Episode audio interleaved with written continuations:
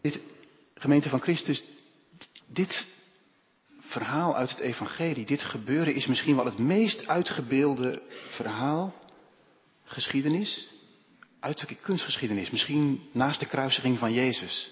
De geboorteaankondiging aan Maria is zeer vaak uitgebeeld. En meestal, als je dan heel veel van die platen op, op hè, Google afbeeldingen gaat zoeken, dan, dan lijken ze eigenlijk vaak op elkaar. Wat je ziet is, is Maria als een zeer vrome vrouw die de Bijbel leest. Als je goed kijkt, leest ze dan vaak Jezaja. Waar die profetie in staat, een maagd zal zwanger worden en een zoon waren. Het is een heel vrome vrouw die de Bijbel leest in stilte. En haar zuiverheid, haar reinheid wordt onderstreept met een lelie die vaak in de afbeelding te zien is. En in die ontmoeting met Gabriel en Maria gaat het vaak ook heel sereen, eerbiedig toe. Er, er daalt een duif neer op Maria, doorgaans. En, en de engel benadert haar zeer respectvol en eerbiedig. En Maria's reactie op wat de engel zegt is eigenlijk altijd instemmend, bereidwillig, nadenkend. En daarmee zit in heel wat van die platen ook een stuk theologische reflectie. Maria wordt neergezet niet zomaar als een meisje uit Galilea, maar als de moeder van alle gelovigen. Ons voorbeeld in haar toewijding. Je, je kijkt in die schilderijen tegen haar op en, en je trekt je aan haar op. Dat is nog eens geloven. Maria, de moeder van alle gelovigen. En ik wilde vanmorgen met u, met u kijken naar een ander soort afbeelding, namelijk van Rembrandt. En dan niet een schilderij van Rembrandt, maar een, een pentekening. En het is maar zo'n dingetje in, in, het origineel. Zeg maar op, op een memo-blokje eh, gemaakt in onze tijd, zouden we zeggen. Heel klein en heel schetsmatig. En het mooie van die pentekeningen van, van Rembrandt is dat hij daarmee puur voor zichzelf tekende. Geen belangen van wat de klant mooi zou vinden, wat goed zou verkopen of wat mode is en hip in de schilderkunst van de 17e eeuw. Nee, in die pentekeningen is Rembrandt zeer intens bezig met de Bijbel, de Bijbeltekst. En hij, zit er, hij probeert er zo dicht mogelijk bij te komen. Door zich in te leven in de personages. Wat gebeurt er nu precies? Wat verklappen de details van de Bijbelteksten over wat er gebeurt met de personages? Wat, hoe zullen ze het beleefd hebben? Het is een soort vorm van close reading. Van heel aandachtig naar een Bijbelvers gekeken hebben. En als Rembrandt les gaf aan zijn leerlingen, zijn schilderleerlingen, dan liet hij vaak zo'n Bijbelpassage hardop voorlezen. En dan zei hij, teken het. Wat hoor je? Wat voel je? Wat zie je? Dat gaan we nu doen. We gaan een paar minuten in stilte, met een beetje pianospel om de gedachten te vangen, kijken naar een plaat van Rembrandt.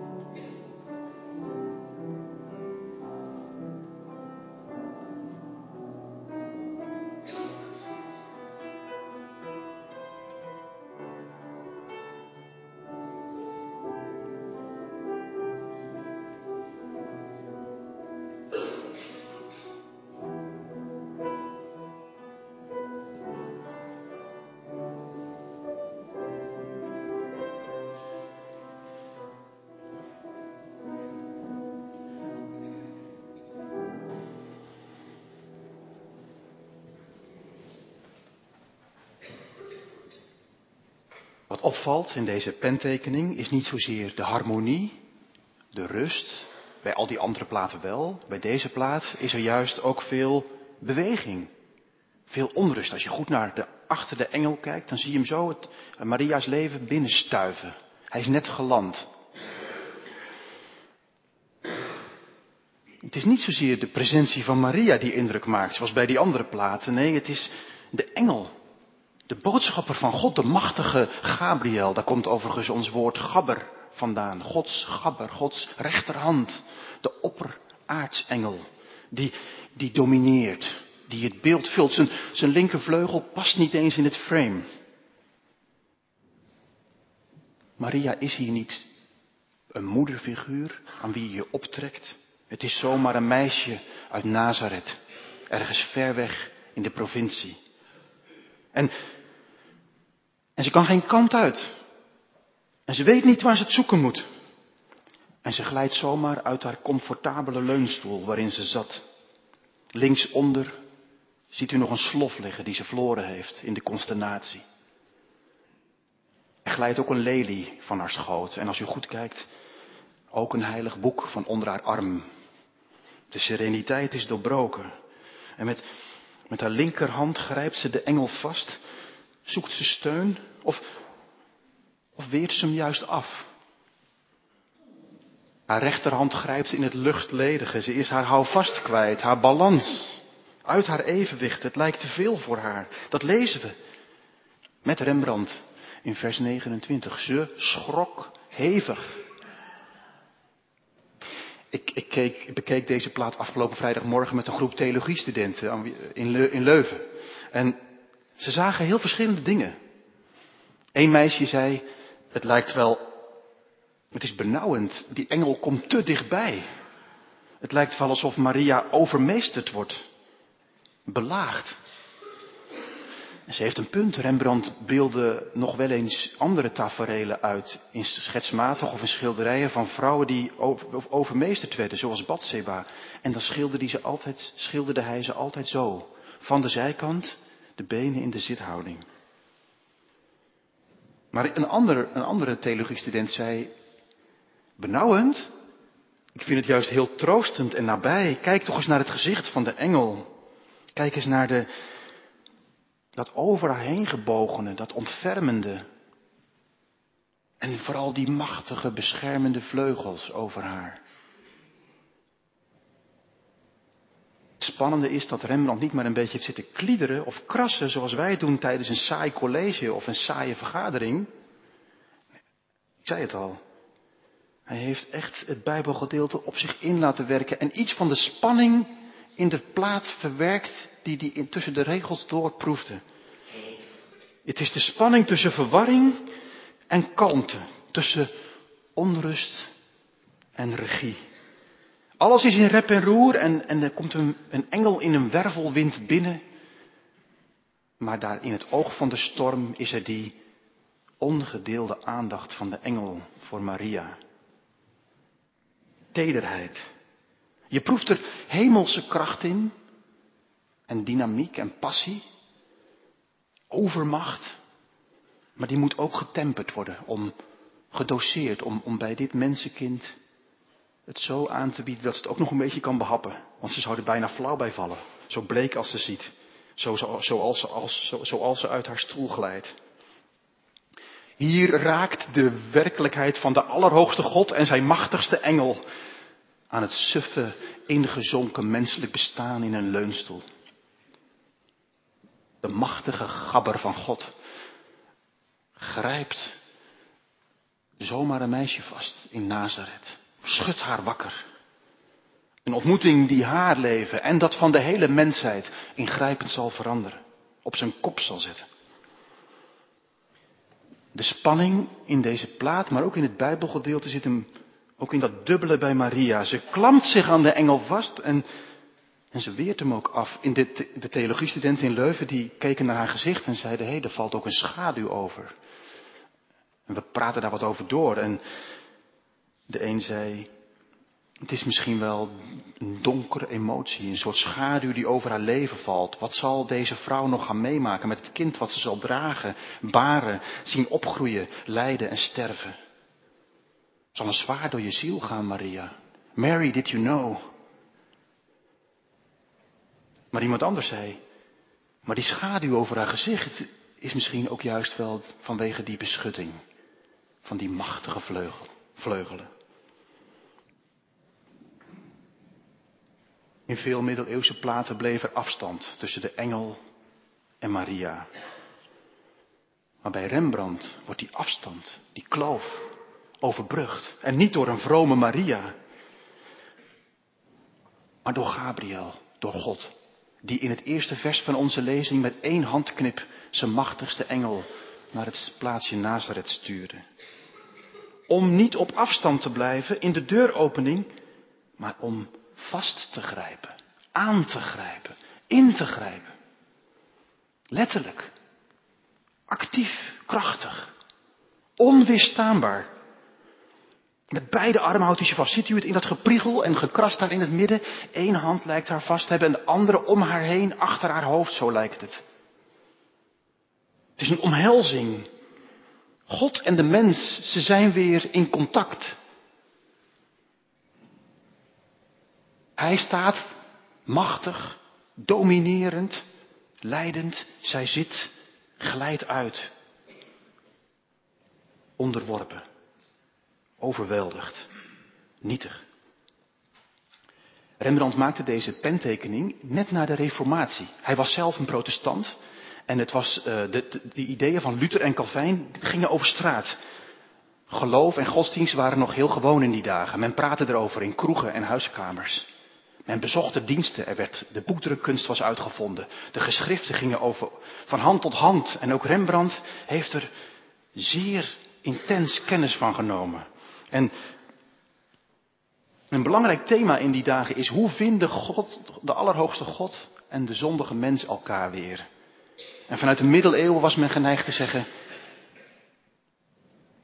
pad te gaan van de vroomheid en van het sacrament. De vrome mens met zijn religieuze plichtplegingen en de priester. Maar de protestanten zeiden, als het er echt op aankomt, wordt die kloof tussen ons en God maar op één manier overbrugd. Het komt volledig van God.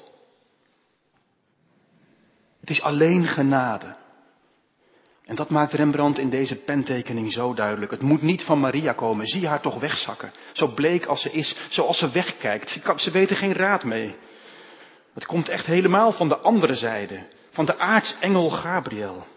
En van God die hem zendt. Het is de kracht van de Allerhoogste die deze, die dit nietige, gewone meisje uit Nazareth aanraakt, opricht in bezit neemt.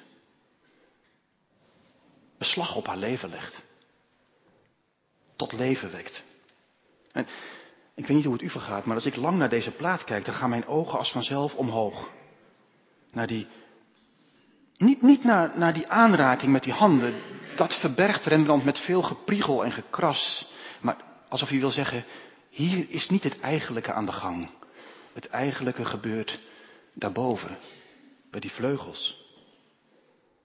Die machtige vleugels die zich over dit leven van dit mensenkind uitbreiden, uitspreiden. Rembrandt heeft dat goed gezien. Goed gelezen, gespeld in de Heilige Schrift. Die ene zin. De Heilige Geest zal over je komen. En de kracht van de Allerhoogste als een schaduw je leven bedekken. Zoals Gods geest ooit over de oervloed en de chaos zweefde in Genesis 1. En daar uit duisternis en leegte een wereld schiep. Zoals de heilige God zweefde boven de ark van het verbond.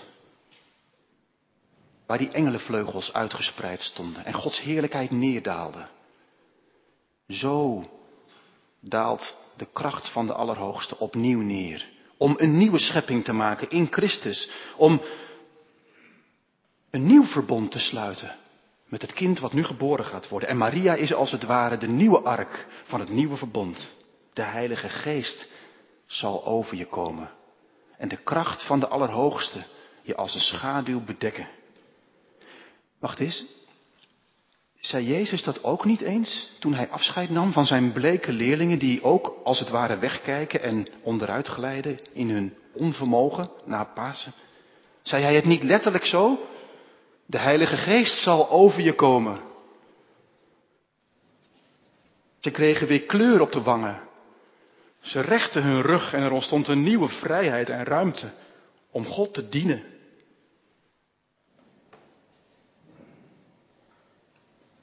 Beste vrienden, Maria is ons voorbeeld. Maar misschien niet in haar vroomheid. Want ze was zomaar een meisje uit Nazareth, kom op. Maar weet je waarin ze een voorbeeld is? Een prototype? In dit. Dat, in, dat ze in haar alledaagsheid, van zomaar een huiskamer, met zomaar een leunstoel, met een paar sloffen. En een kussentje in de rug. En een boek op schoot. Hoe huiselijk wil je het hebben? Hoe gewoon? Dat dat hele gewone bestaan op een zeer wonderlijke, onzichtbare, maar zeer vruchtbare manier wordt overschaduwd, overvleugeld. En zo maakt God heel verborgen haar, zomaar een meisje, tot een draagster van zijn heerlijkheid, zijn glorie. Iemand waar Petrus later van zou zeggen tot alle gelovigen in 1 Petrus 4, de geest van de heerlijkheid rust op je. Iemand waar Paulus van zou zeggen in Galaten 5. Hij vergelijkt zichzelf met een vroedvrouw en hij zegt, ik span me ervoor in, opdat Christus in jullie gestalte zou krijgen. En letterlijk zegt hij, opdat Christus in jullie vorm zou krijgen. Hij is niet alleen ons voorbeeld buiten ons, maar het is de bedoeling, zegt Paulus, dat hij in ons gestalte krijgt, zoals Jezus in Maria groeit, vorm krijgt, letterlijk met een bolle buik.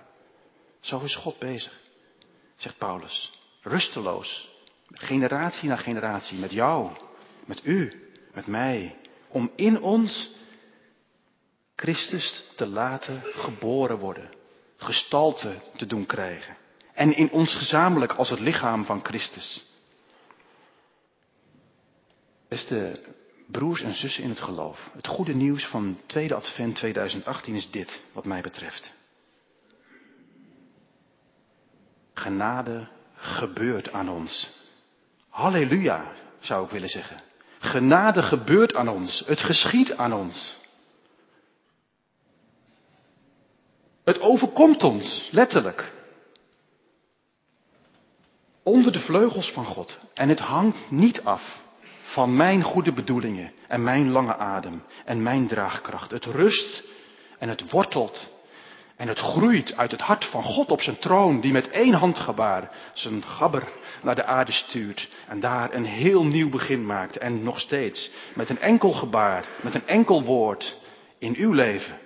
En dat van mij een heel nieuw begin maakt. En het enige wat daarvoor nodig is, is een man of een vrouw, een jongen of een meisje, die elke dag opnieuw, net als Maria zegt, hier ben ik, Heer.